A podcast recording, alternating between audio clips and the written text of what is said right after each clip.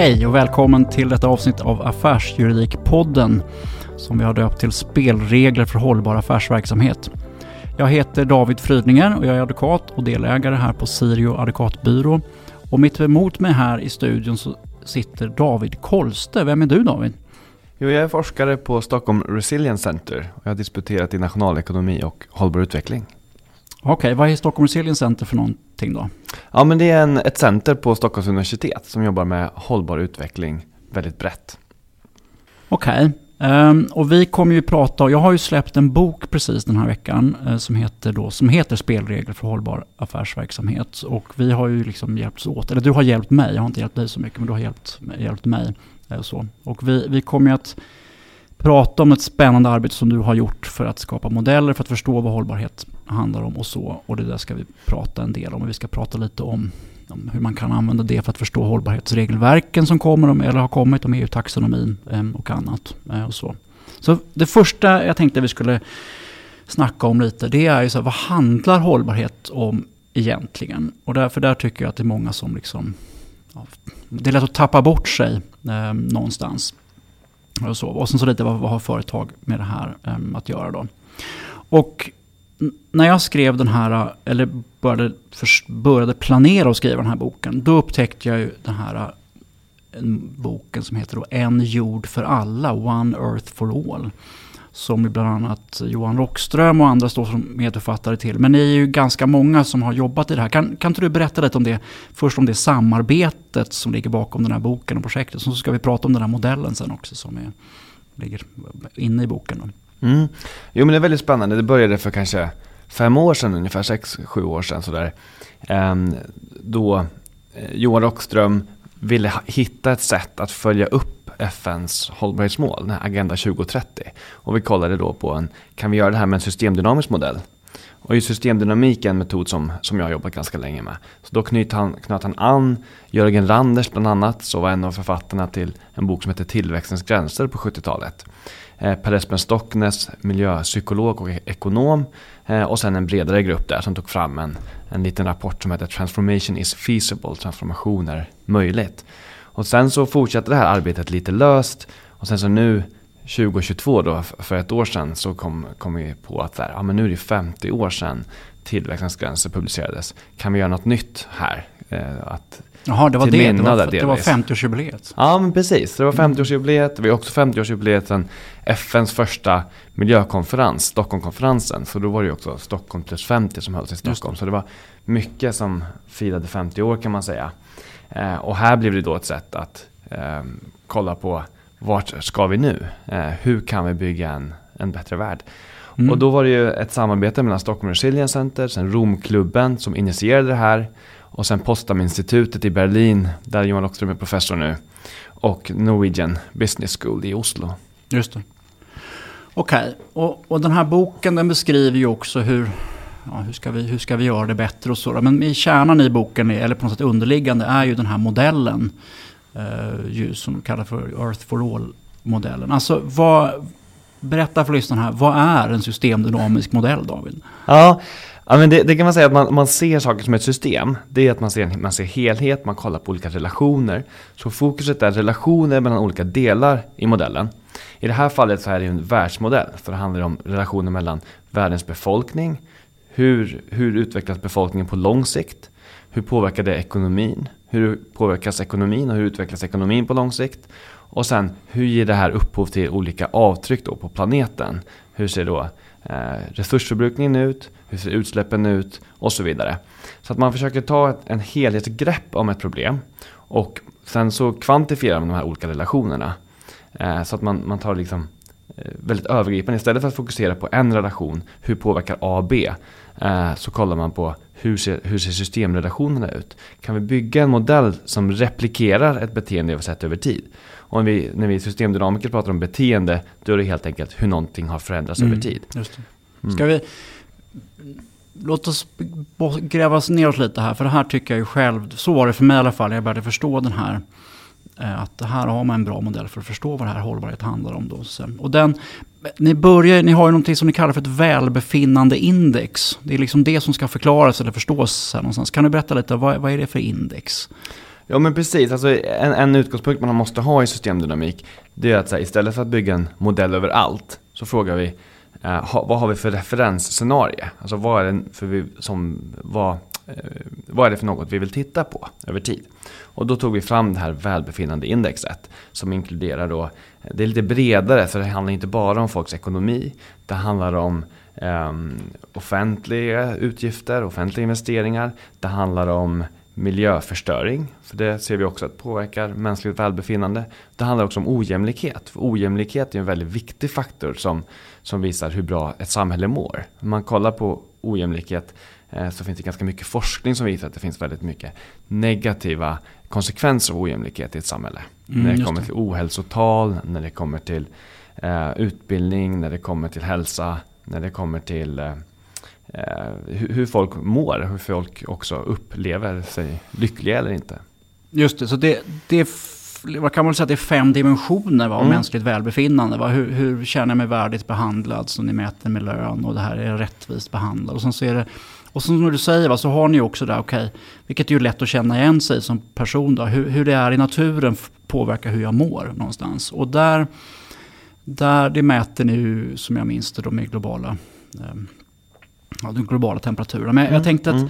det finns ett bredare perspektiv här. Du nämner ju Johan Rockström och han har ju blivit känd för den här äh, forskningen kring nio planetära gränser som är många överskridna. Jag kan berätta lite om dem. De är inte, alla är ju inte inbyggda i modellen va? men de finns ju där någonstans och, och det måste ha varit en av Johans drivkrafter för att vara med och initiera det här. Berätt, kan du berätta lite om de här nio planetära gränserna? Jo, de här nio planetära gränserna, de har stakat ut eh, inom vilka gränser vet vi att vi kan tillgodose nuvarande förhållanden för mänskligt, mänskligt liv på sikt. Så de förutsättningarna vi har för ett goda, goda liv, hur ser de ut när det kommer till biosfären? Vilka förutsättningar ger naturen oss eh, att utvecklas? Okay, och då så, har man, ja. ja Okej, vi bara tar ett exempel. Men ta klimatet då. Mm. Mm. Så där, där finns det vissa förutsättningar. Ta det som ett, ett exempel då. då. Mm. Ja, men precis. Och då, då, jämför man helt enkelt med Holocen, den geologiska tidsepoken som, där, där människan utvecklades och har utvecklats och lever till, har levt i fram tills nu. När mänsklig påverkan har blivit så pass stor att mänsklig aktivitet påverkar då eh, framtidens för jordens förutsättningar. Och då har man sett att när det gäller klimatet, ja, men då måste vi hålla oss inom en viss eh, miniminivå. Liksom så här, max så här mycket utsläpp får släppas ut eh, för att vi ska kunna hålla oss inom de här då, förutsättningarna som gör att vi kan fortsätta ha goda förutsättningar för vår ek ekonomi och för, för Och det här är ett och ett halvt graders ja, målet i Parisavtalet ja, kommer Ja, precis. Så det är ungefär ett och ett halvt eller kanske en grader eh, visar en del forskning att det skulle kunna vara att vi måste hålla oss så lågt egentligen. För att inte riskera att passera så kallade tippningspunkter där den globala uppvärmningen, uppvärmningen blir självförstärkande. Just det, och då, då, då, är det en av de här planetära systemen eller gränserna. Och så finns det åtta andra då. Och det är då bland annat, som jag minns ozonskiktet, eh, alltså biologisk mångfald, vatt, havet och, och försurningen. Och det, det finns nio sådana mm, intressanta. Mm. Och, och visst är det så att det ser lite dystert ut. för man kan ju övertida de här, nå de här tipping points. Så visst, för det, den senaste forskningen visar att det ser inte så bra ut här va? Nej, precis. Alltså, när det här ramverket togs fram först, 2009, då kunde man konstatera att vi har passerat fyra av dessa gränser. Men sen så nu senaste forskningen som kom för bara någon månad sedan, så är det att vi har passerat sex gränser. Och det innebär ju att framtiden, alltså vi ök, varje risk vi passerar så ökar vi risken för att passera så kallade tippningspunkter. Och en tippningspunkt innebär ju då att den negativa utvecklingen blir självförstärkande. Vi kan ta albedoeffekten som ett exempel när det kommer till klimatet som, som vi var inne på. Att när uppvärmningen äger rum, då smälter isen. Isen är ljusare och absorberar mindre värme. Men vattnet som blir kvar istället är ju mörkare. Det vet ju om man har haft en mörk t-shirt på sig en sommardag så vet man att mörka material absorberar värme mycket mer.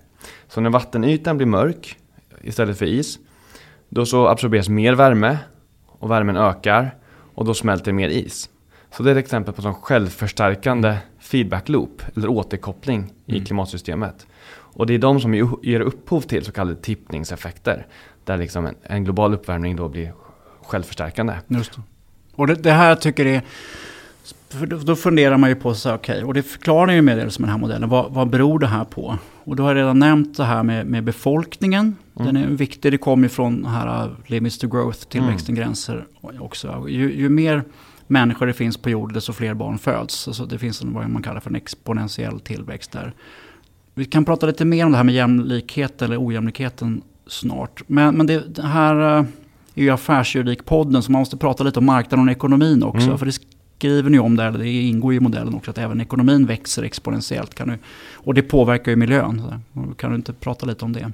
Jo, precis. Alltså, om man tar ett väldigt övergripande plan kan vi kolla på eh, kapitalet i helhet eller kapaciteten, produktionskapaciteten. Eh, och om vi har en viss storlek på produktionskapaciteten så är den upphov till en viss produktion och konsumtion i samhället. Och en del av det återinvesteras i mer kapacitet. Så där har vi också en sån självförstärkande loop, precis som albedoeffekten jag nämnde tidigare. Och det här ger då upphov till en exponentiell eller väldigt snabb ökan, ökning av produktionen. Det är där vi refererar till som ekonomisk tillväxt typiskt.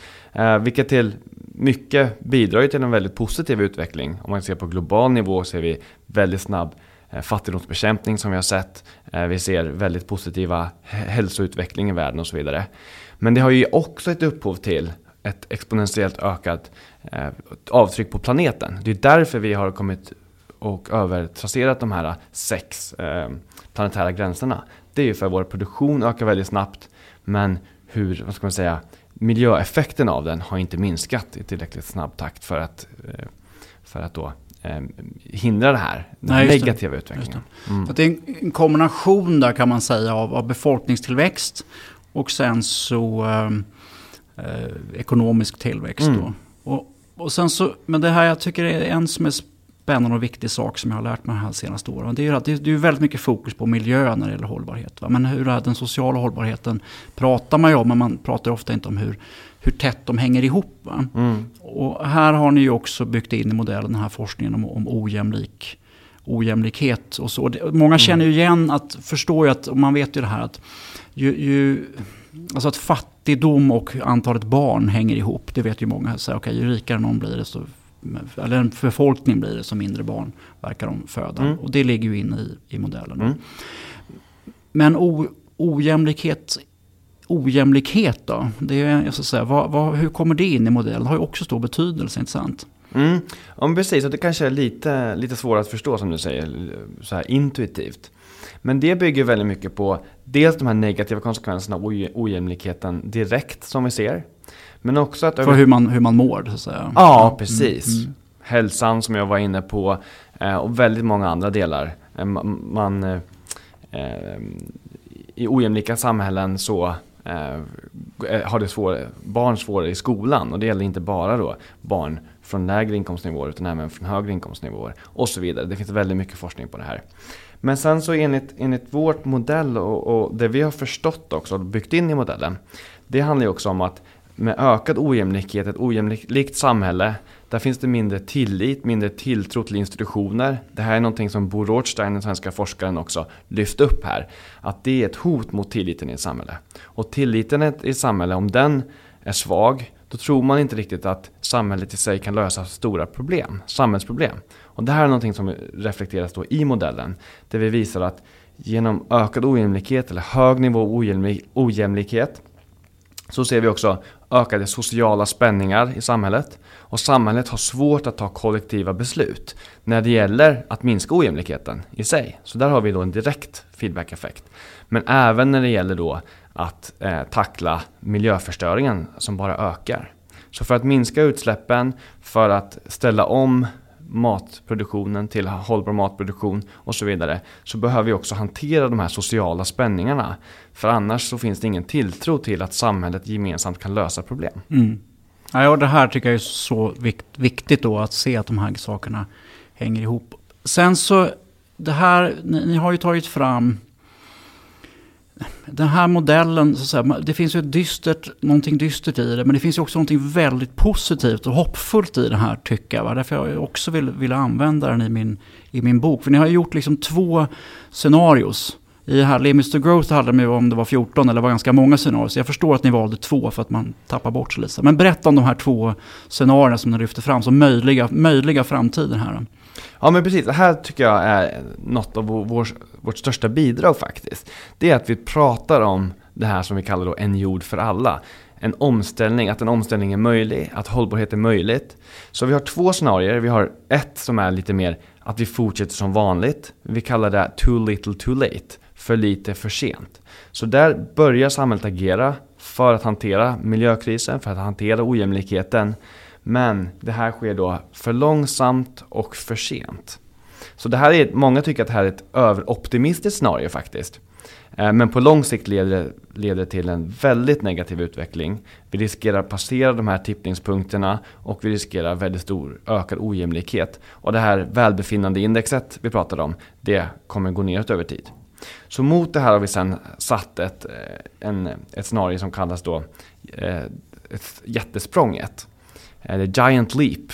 Där vi ställer om på fem olika eh, fem olika stora transformationer. Det handlar då om att ställa om matproduktionen till hållbar matproduktion, mindre köttkonsumtion, eh, mer re regenerativt jordbruk. Ehm, det handlar om en energiomställning till hållbar energi, till förnyelsebar energi. Men sen handlar det också om fattigdomsbekämpning. Det handlar om jämställdhet mellan män och kvinnor. Och det handlar om just den här ojämlikheten, att minska ojämlikheten som vi varit inne på. Och jag tycker den där är så viktiga, för det, det, nu tog du i omvänd ordning nästan, för i boken framstår det som att det börjar med att bekämpa fattigdomen, vilket ju förstås behövs i sig, men det behövs också för att minska befolkningstillväxten. Alltså det, hur allt det här hänger ihop, vilket i sin tur hänger ihop med, med, med miljöpåverkan. Och sen så är nästa, okej, okay, vi måste åtgärda ojämlikheten och, och jämställdheten är ju en del av ojämlikheten mm. och sådär i sin tur. Så att det, era huvudsakliga rekommendationer handlar ju inte om miljön utan det handlar mer om de här systemeffekterna mm. som påverkar miljön. Jag tycker den, den är väldigt viktig liksom att lyfta fram. Ja precis, vi ser den här sociala utvecklingen som en förutsättning för att kunna agera kraftfullt när det gäller miljön. Mm. Okej, okay. alltså utifrån det här perspektivet tycker jag det blir lite enklare att förstå vad hållbarhet handlar om. Så att säga. Vi, men vi ska prata lite mer om det här med affärsverksamhet också och hur, hur liksom företag, um, hur företag påverkar det här. Och hur man ska ställa om um, mm. på något sätt. Okej, okay, så nu, nu tänker vi oss det här välbefinnandeindexet. Okej, okay, vilken värdighet jag känner, vilken form av lön jag har, min upplevelse av orättvisa och naturen och sådär. Kan vi, om vi tänker oss, liksom, företag har ju inte, de finns ju inte, ja de finns ju i modellen så att säga, men, men mm. de är mm. ju inte en spel. Alltså så. Hur, hur, hur, påverkar företag de här, alla de här variablerna liksom i, i den modell, Earth for All-modellen? Mm. Alltså Earth for All tar ett väldigt globalt och brett angreppssätt. Vi pratar ganska, ganska mycket om vilka förslag, vilken politik som bör genomföras på nationell eller övernationell nivå. Men det som är väldigt fiffigt och bra tycker jag med det här sättet att se på de här stora, fem stora transformationerna, de här två scenarierna, är att det är väldigt skalbart. Man kan se på sitt eget liv som individ. Hur kan jag agera annorlunda? Eh, men även då ett företag. Hur kan ett företag agera annorlunda? För att, hur ser ett företags eh, påverkan ut på de här fem olika transformationerna? Hur kan företaget vara delaktig i att skapa en bättre utveckling? Ja men precis, och då, då tänker jag att ett företag, vi pratar om det här med den exponentiella tillväxten mm. och ekonomin. Va? Och det är klart att där påverkar ju företag eh, mycket kring... Eh, det blir ju bara en exponentiell ökning av miljöpåverkan mm. om, man, om man är omiljövänlig. Så, mm. så, så där påverkar ju företag förstås. Jag tänker också att företag har ju stor påverkan på jämlikheten. Eh, jobb, hur jobbar man med kollektivavtal eh, till exempel? Korruption är ju viktigt intressant. Mm. Va? Korruption underminerar tilliten i samhället. Så det mm. företagens påverkan på olika sätt. Du, du, sa ju här tidigare att du, för visst du är nationalekonom också. Ja. Intressant, va? Och här, här brukar man ju prata om externa effekter, mm. externaliteter, eh, när man pratar om företagsnegativ. Va, vad är det för någonting? Mm. Jo men precis, alltså, det är då de, på, den påverkan man har på tredje part det som är utanför en affärstransaktion till exempel. Ett traditionellt exempel man brukar ta är rökning. Eh, om jag känner att jag skulle vilja köpa cigaretter och röka så gör jag det. Men då påverkar jag också kanske någon som står bredvid mig som får, får in passivt in den här rökningen. Liksom. Och det tar inte jag hänsyn till när jag köper mitt cigarettpaket. Eh, och vidare kanske samhällets kostnader för att ta hand om min hälsa. Det är också en extern effekt när det kommer till rökning. När det gäller miljöförstöring så är det väldigt tydligt att när det gäller utsläpp till exempel av växthusgaser, det påverkar hela jorden väldigt negativt. Eh, och som enskild aktör eller som företag så kanske man inte tar hänsyn till den kostnaden. För den kostnaden syns ju inte i ens kalkyl fullt ut. En del av det beskattas, men inte så mycket som, som det skulle behöva beskattas egentligen för att tillgodose en hållbar utveckling. Just så det, det, är ett sådant exempel. Ja, men precis. Och det är därför man brukar väl kalla för ett marknadsmisslyckande. Mm. Därför att det, det är inte prissatt de här kostnaderna så att säga, som får negativa påverkan. på- Nej, men precis. Sen kan ju också externa effekter vara positiva. Så ett företag kanske har en positiv eh, påverkan på miljön på olika sätt. Eller positiv påverkan på, på jämställdhet när man ser till att det finns det är en jämn fördelad styrelse till exempel. När man ser att man har många Eh, kvinnor och män i, i, i styrelser, i ledande positioner och så vidare. Så kanske det kan spilla över på samhället i stort också. Så man kan ju också ha en positiv extern effekt kan man säga. Mm, just det. Nej, och när, när jag skrev den här boken, för den handlar ju i slutändan om att boken handlar ju om att, absolut om hållbarhets och hållbarhetsjuridik, men det handlar ju också om att hjälpa företag att ställa om till hållbara verksamheter någonstans. Men när, när jag tittar på och läser om det här med externa effekter, då, då det för mig var ju det bryggande någonting som jag gör en poäng av i boken som du har pratat om tidigare. Det är att det här i grund och botten handlar om, om moral. Mm. Och att hållbarhet, när jag har tänkt på det, egentligen grund, ja, allt är, blir en moralisk fråga. Och det är något exempel, om jag tycker att om man har ett företag som då bedriver en verksamhet vid en sjö och det finns människor som också lever av den här sjön. Eh, och sen så gör man då ja, utsläpp i sjön så att allting dör helt enkelt. Eh, då, och vattnet blir, blir obrukbart. Då, då tycker jag att det är moraliskt eller omoraliskt perspektiv. Att ett, eh, om, om jag är företaget och du är människa som bor vid sjön. Va? Dels så behandlar jag ju dig som att mina intressen är mycket viktigare än dina. Så att jag, det brister liksom i jämlik behandling. Och jag har ju underminerat dina möjligheter att leva där du lever. Så det liksom blir en kränkning av din, din frihet. Och, så. Och, och när jag tänker på det så är det så ja men det där kan man, alla de här externa effekterna som man kallar det för på ekonomiskt språk, är egentligen så moraliska överträdelser. Vad, vad, tänker du om, vad tänker du om det? Håller du med om det eller vad, hur, hur brukar man prata om det? Jo, jag, jag tycker det är ett väldigt bra, bra sätt att se på det här faktiskt. Att det handlar om moral och ansvar.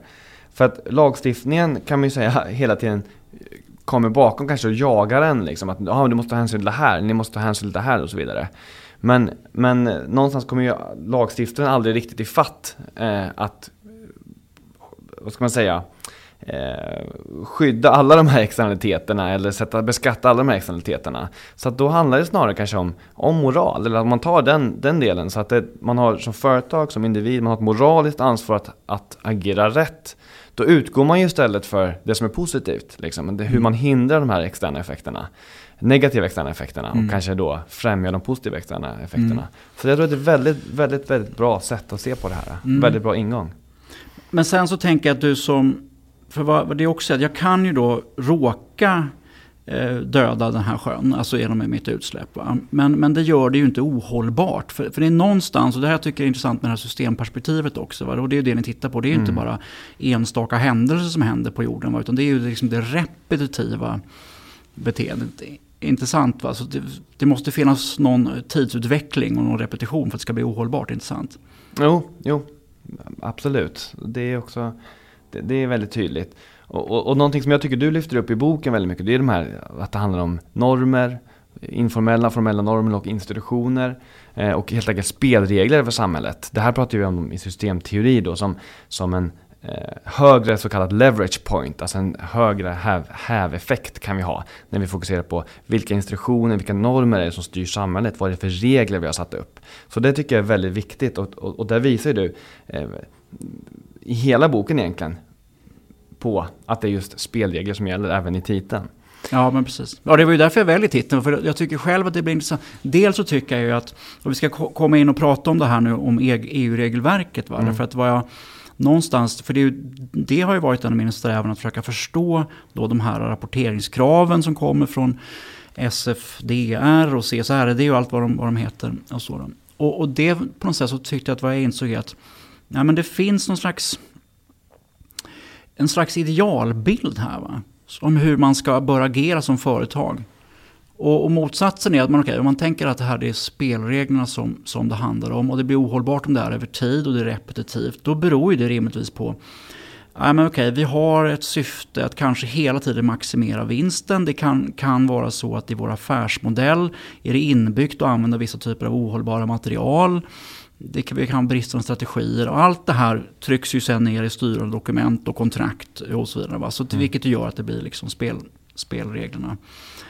Um, så det. En sak som, som du har pratat om är att alltså det finns inte så mycket, jag tycker inte det verkar finnas så mycket systemmodeller utvecklade för företag, inte sant?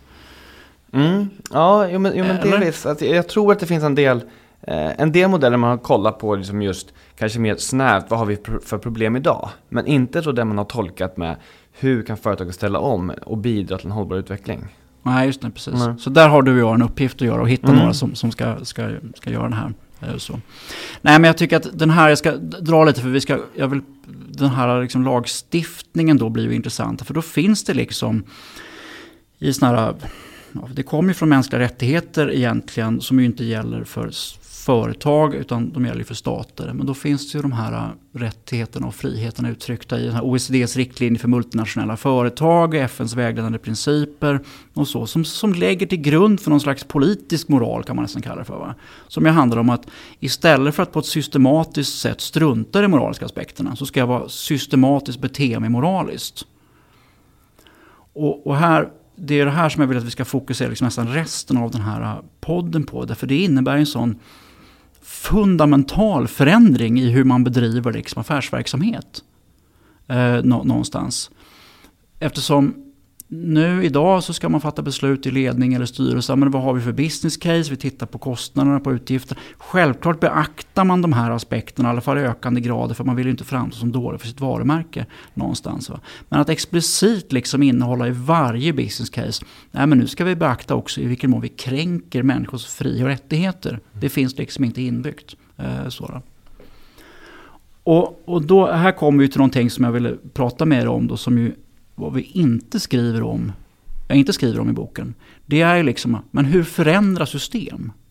Och att det, när man börjar läsa så grundböcker om systemteori så, så det, kommer det ganska tidigt liksom att that may backfire ganska tydligt. Mm. Liksom. Kan, kan vi prata lite om det generellt och säga om, om, om förändring av system så kan vi prata liksom om det för företag också sen. Då. Jo men precis, nu är du inne lite på något som kallas policy resistance kanske. Att när man tänker att nu ska vi förändra någonting, då sätter vi ett stopp här. Eh, men så kanske det har helt andra konsekvenser än vad man först tänkt. Det skulle kunna vara svensk droglagstiftning, skulle man kunna kolla på till exempel, som jag vet många jurister har, har lyft upp. Eh, att man säger att men vi vill ha ett drogfritt samhälle, då förbjuder vi droger. Eh, men vad händer då? Då gör vi den som den som utsätts, den som tar droger helt enkelt, kan riskera att bli dömd för ringa narkotikabrott och ses som en kriminell kanske får bilden och känslan av att men jag är en kriminell, jag eh, behöver eh, söka mig till bort från samhället och så vidare. Medan i många andra länder finns en annan lagstiftning när det gäller droger. Där man istället säger att så här, den som tar droger är inte den kriminella och man söker sig kanske istället då som, som individ till en hälsomottagning, försöker hantera det här problemet och så vidare. Eh, likadant om man har väldigt sån stark kraft på, nu ska vi stoppa narkotikan vid gränserna. Vad händer då? Jo, det blir brist på narkotika i landet, priserna på droger går upp eh, och då blir det ännu mer lukrativt kanske att, att arbeta med drogförsäljning och så vidare. Aha, så, så det kan typen... få motsatt, totalt ja, motsatt precis. effekt? Det är ett exempel på där, där politik är kanske motsatt effekt på kort sikt och på lång sikt. Så man kanske måste mer systemiskt gå in och fundera på vilka, hur kan vi hantera de här problemen? Eh, vilka delar av samhället vill vi ska agera och så vidare. Mm. Om vi tar exempel också som vi var inne på ny, nyss med ojämlikheten. Om vi ser ett samhälle med kraftigt ökade klyftor, ökad ojämlikhet, ökad osäkerhet, ökade sociala spänningar och sen samtidigt försöker vi hantera då eh, klimat, eh, klimatförändringar genom att minska utsläppen kraftigt. Då riskerar det också kanske då att att folk vänder sig emot den här typen av politik då. Ja men eh, det här slår ju då på lands, hårt mot landsbygden, vi får höga bensinpriser på landsbygden. Ja, reduktionsplikten är ett Ja men precis, reduktionsplikten det, blir då ett väldigt tydligt exempel där, där det kanske blir ett väldigt starkt motstånd mot den här politiken. Men det kanske egentligen bygger väldigt mycket på eh, ökad ojämlikhet snarare än just eh, miljöpolitiken som förs. Ja, men det... alltså, man skulle kunna se, det här var ju intressant, alltså, så, det har inte du jag pratat om tidigare. Man skulle kunna se reduktionsplikten som ett försök att förstås förbättra miljön, men, men som kan få en motsatt effekt. Mm. Nästan, eller i alla fall få en, en, en policy resistance. Så ja men precis, och det är en sån policy resistance som Romina Pourmokhtari, då, vår miljöminister, hon har ju lyft den här väldigt mycket. Sen så har ju hon valt att inte agera alls kanske, på många sätt här. Så, att, så att det är ju kanske inte ett rätt svar, utan snarare handlar det om att hantera andra problem också. Det var likadant om man kollade på gula västarnas stora protester i Frankrike. Då såg man att när man intervjuade personer som var aktiva här, då handlade det väldigt mycket om att vi på landsbygden, vi syns inte, vi hörs inte, ojämlikheten ökar och så vidare. Så det var ju det man var förbannade på, snarare än då höjda bensinpriser. Mm, just det. Ja, men, och den här tror jag liksom är, är viktig, för att om vi bara går tillbaka lite vad jag skriver om i, i boken där. Därför där, dels så är det ju det här att det finns den här normen då som vi man nämnde om tillbörlig aktsamhet. Vi ska institutionalisera hela företaget att inte kränka folks fri och rättigheter. Va? Och där tycker jag att man kan se företaget som ett system på något sätt. Okej, okay, det börjar... Ja, det här med vad är företagets syfte? Vad är affärsmodellen? Vad är strategin? Eh, och så fortsätter det. Och den, den här tycker, den är ju viktig också för lyssnarna att förstå. Det är det som är det här CSR, det är de här rapporteringskraven. Det handlar ju väldigt mycket om att rapportera hur förhåller jag mig till den här äh, idealbilden. Om man, om man tänker, den blir ju väldigt nästan provocerande. Va? Och jag tycker att den här är viktig för vi ska prata om policy resistance. Men egentligen så är det så att, att man, man ska få fram data då från, från företaget. Och det är ju som, som, som då ska visa hur dåligt eller bra möter jag den här idealbilden för hållbar affärsverksamhet? Och det är förstås det som ska vara fallet då. För då ska man ju tänka att investerare ska då vilja, inte vilja investera i bolag som då är långt ifrån idealbilden. Och man ska inte vilja att kunderna heller köper saker och ting av de som är långt ifrån idealbilden. Mm. Och då, då är nog tanken att man ska försöka stänga det här gapet eh, någonstans och att företagen ska börja bete sig mer moraliskt. Men det tänker jag att om man inte är lite vaksam där så kan det nog leda till policy resistance någonstans. Vad har du någon tanke om det? Eh, hur tänker du då? Nej men alltså, någonstans så ska man ju ställa om alla människor alltså, som jobbar på ett företag som nu hittills har, har liksom förtjänat sina pengar på att optimera verksamheten och, och alltså optimera liksom vinsterna och förtjänsterna med kostnaderna och så. Nu ska de börja bete sig på helt annorlunda sätt helt enkelt. Ja, men nu måste vi börja tänka på folks fri och rättigheter eh, helt enkelt mm. i, i mm. vår verksamhet. Och de, de, negativa effekter vi har. Och så. Det. Det, är det som jag har någon slags, jag vet inte vad, tanke om att det här kommer, skulle nog kunna inte bara vara att folk jublar över det, utan det leder till en del motstånd också. Det är det som jag tänker. Ja, men, har du nej, fundering? Ja, nej men det är nog väldigt sant. Alltså man, man, måste nog ta sig an det här på ett väldigt systemiskt sätt. Och sen inom systemteori och systemtänk och resilienstänkande just, eh, då pratar vi om något som kallas adaptive management, alltså så anpassande ledning. Där man kanske försöker och prövar, experimenterar lite och ser, nu vet vi kanske, vi vill gå åt det här hållet. Men, men sen så hur vi går åt det här hållet kanske vi kan pröva och experimentera lite i. Vi kanske inte ska direkt gå från liksom 0 till 1 och ställa om helt. Utan vi kanske ska fundera, hur, hur kan vi börja den här utvecklingen? Vi vet åt vilket håll vi vill hur kan vi ta små steg däråt och pröva vilka steg som passar bäst? Mm. Det tror jag är ett sätt också att hantera det här policy resistance. Istället för att säga så här, nu säger vi nej till det här, eller nu ställer vi om helt, så kan man då pröva olika vägar. Eh, hur, hur, kan vi ta oss bäst, på bästa sätt liksom? Från mm, noll till just det. Ja. Nej, jag, kan, jag kan tänka mig, och det ska man faktiskt också rapportera om. Okej, okay, vi har ett företag som, som um, har massa koldioxidutsläpp. Och det förstår de beror på sina, ens produktionsanläggningar. Okej, nu måste vi lägga ner de här anläggningarna så måste vi skapa andra anläggningar. Det skulle man kunna tänka sig kan leda till rätt mycket motstånd från vissa anställda. Mm. Som har hela sin karriär byggd på de andra anläggningarna. Ehm, och, så, och kanske till och med förlora jobben. Alltså, kan det vara ett exempel på hur det här... Ja men verkligen. Och då kanske man kan fundera på vilka konsekvenserna här. Hur kan vi göra någonting för att förhindra de konsekvenserna? För, förhindra eh, den här negativa utvecklingen vi ser för vissa grupper i samhället till exempel. I omställningen. Det tror jag är väldigt viktigt att tänka på och det får man inte glömma bort. Nej, alltså för det skulle väl kunna leda till att man, ja nu lägger, ja, det är ju väldigt hypotetiskt, nu, nu, nu lägger vi ner alla de här anläggningarna och då blir folk friställda och så ökar det arbetslösheten som ökar ojämlikheten som ökar spänningarna. Alltså, mm. intressant va? Mm. Mm. En, en annan sak som jag, eller kopplat till det här, för det handlar ju om mycket det här med hur kan man förändra system. Mm. Eller det är det vi pratar om nu i alla fall. Och i, I vissa fall så gör man ju de här modellerna för att hur ska vi förändra dem. Men, och, och, då har vi pratat om policy resistance. Men du, du nämnde ju, tror jag, någonting du kallar för leverage points. Eller, eller mm. att man... Det, det gäller att veta var man sätter in stöten så att säga. För det här tror jag också är viktigt när man tänker på företag. Och så. Men berätta vad, hur, som ett systemperspektiv på det här. Vad, vad, är, vad är det för någonting där med leverage points? Jo, men precis. Det utgår ganska mycket från någonting som vi kallar isbergsmodellen. Ehm, där man ser, ser utvecklingen i ett system som ett isberg där bara 10% av isberget är över vattenytan. Och det är det vi ser, den direkta effekten, utsläpp, ojämlikhet och så vidare.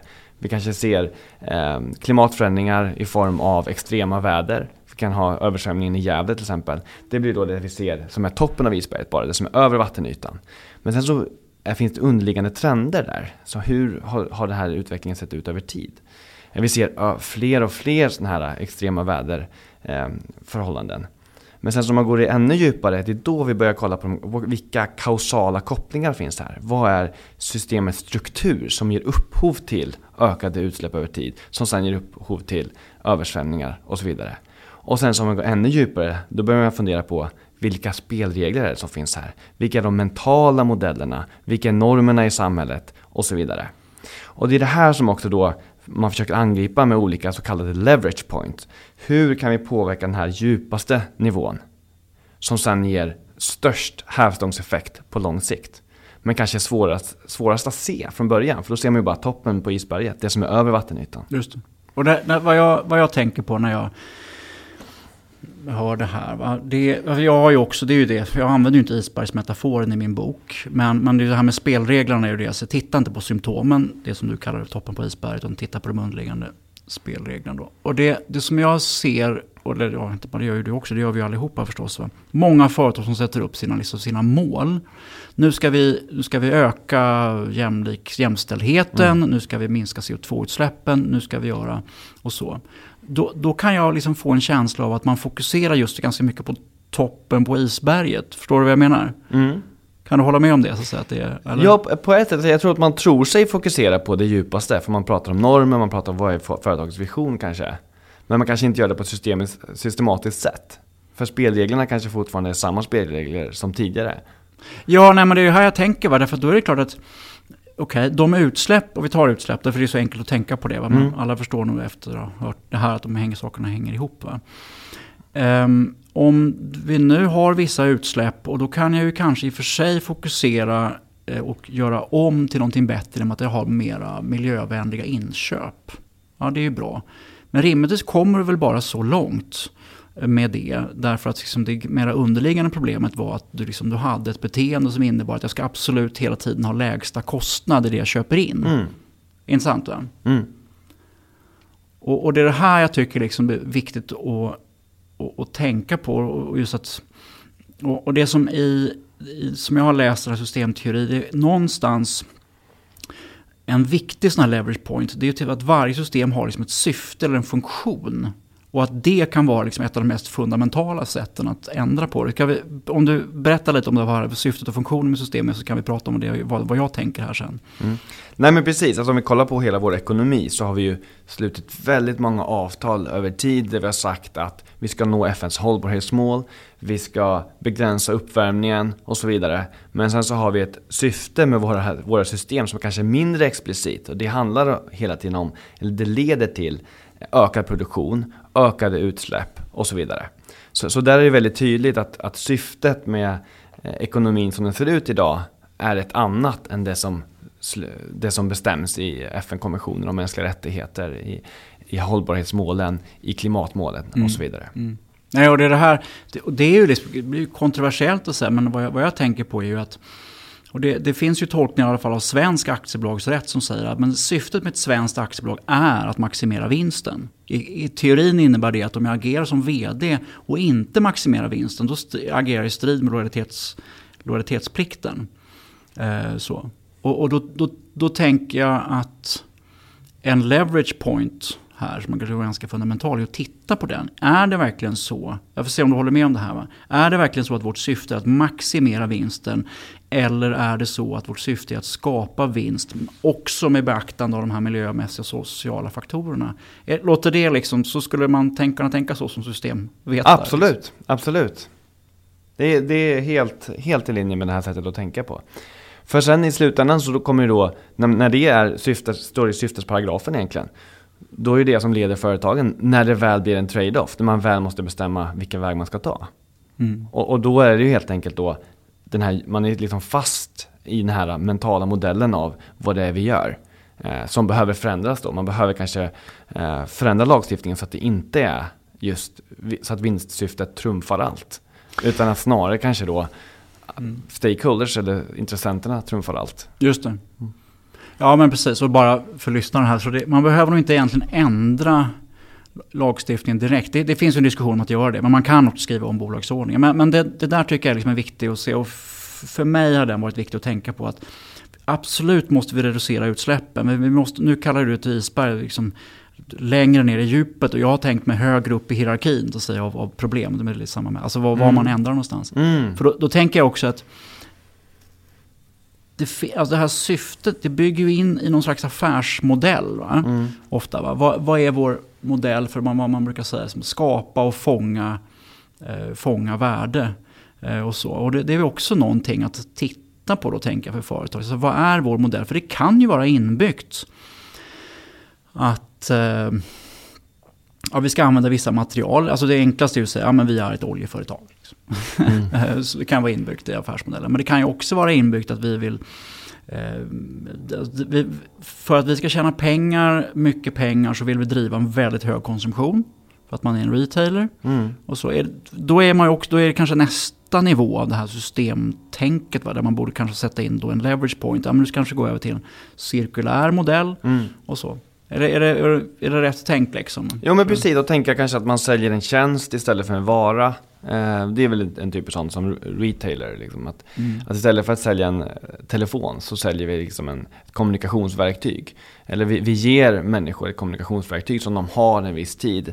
Eh, och sen kanske det här behöver uppdateras över tid istället. Så man kanske har mer av prenumerationstjänster istället. Och då minskar man ju direkt den här miljöpåverkan. Och kanske företaget sen kan också i det här fallet just vinna på det. För att det går ju åt, åt mindre materialförbrukning och så vidare.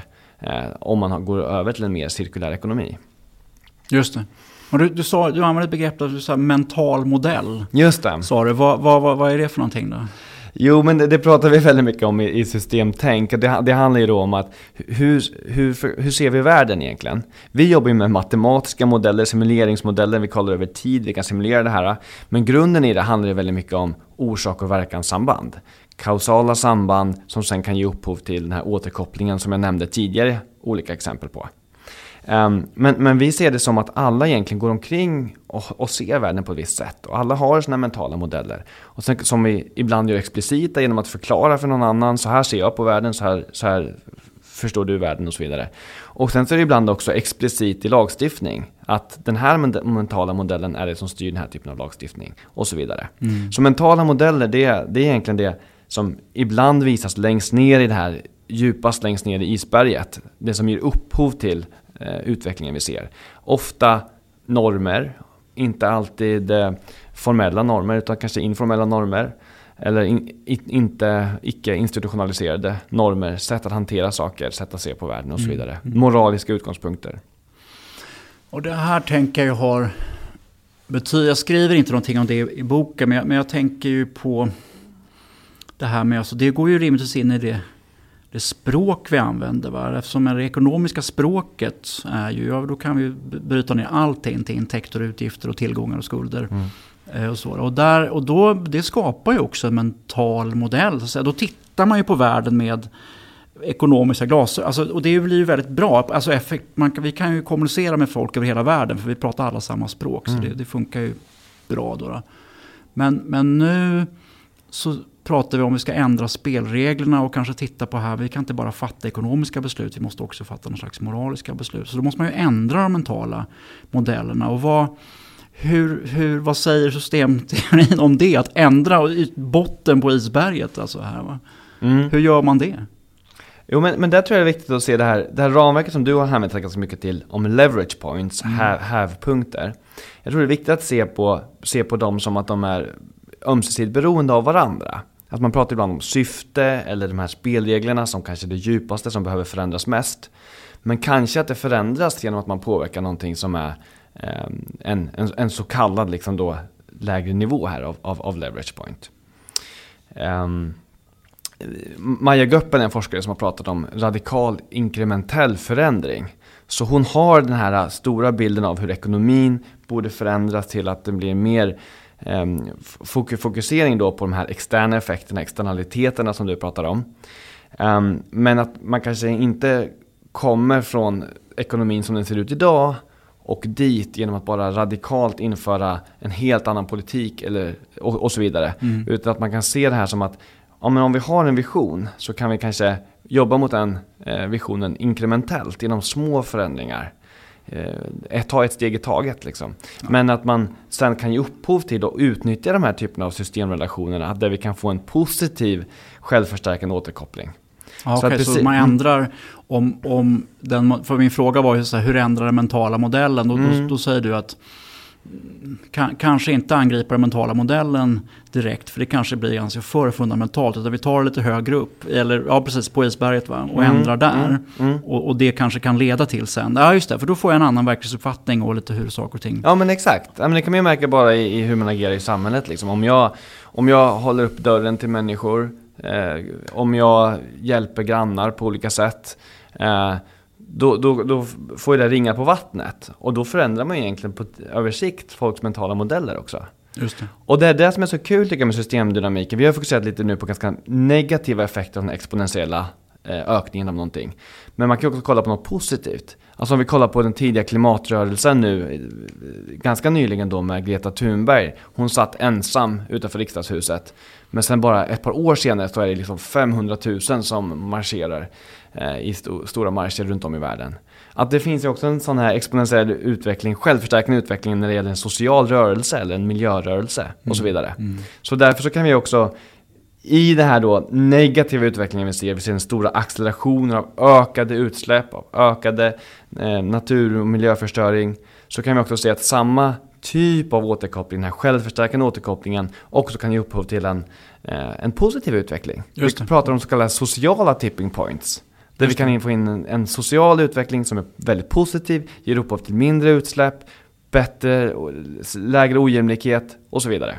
Det är det där som Malcolm Gladwell skriver om sin bok, Tipping Points. Mm. Det är mycket av den, mm. den, den, sociala, just det, har du rätt i. Mm. Nej, men och det är ju intressant att du säger det, för det är klart att jag tror att det har, Greta och andra har ju påverkat, apropå mentala modeller då, mm. ändrat hur vi ser på saker och ting. Jag tycker det, det där, menar vi, vi på Siri, vi är ju företagsrådgivare, och framförallt, men även andra organisationer. Jag tycker att den där känns som liksom ett viktigt budskap här. Va? Att för många vill nog förändra. Va?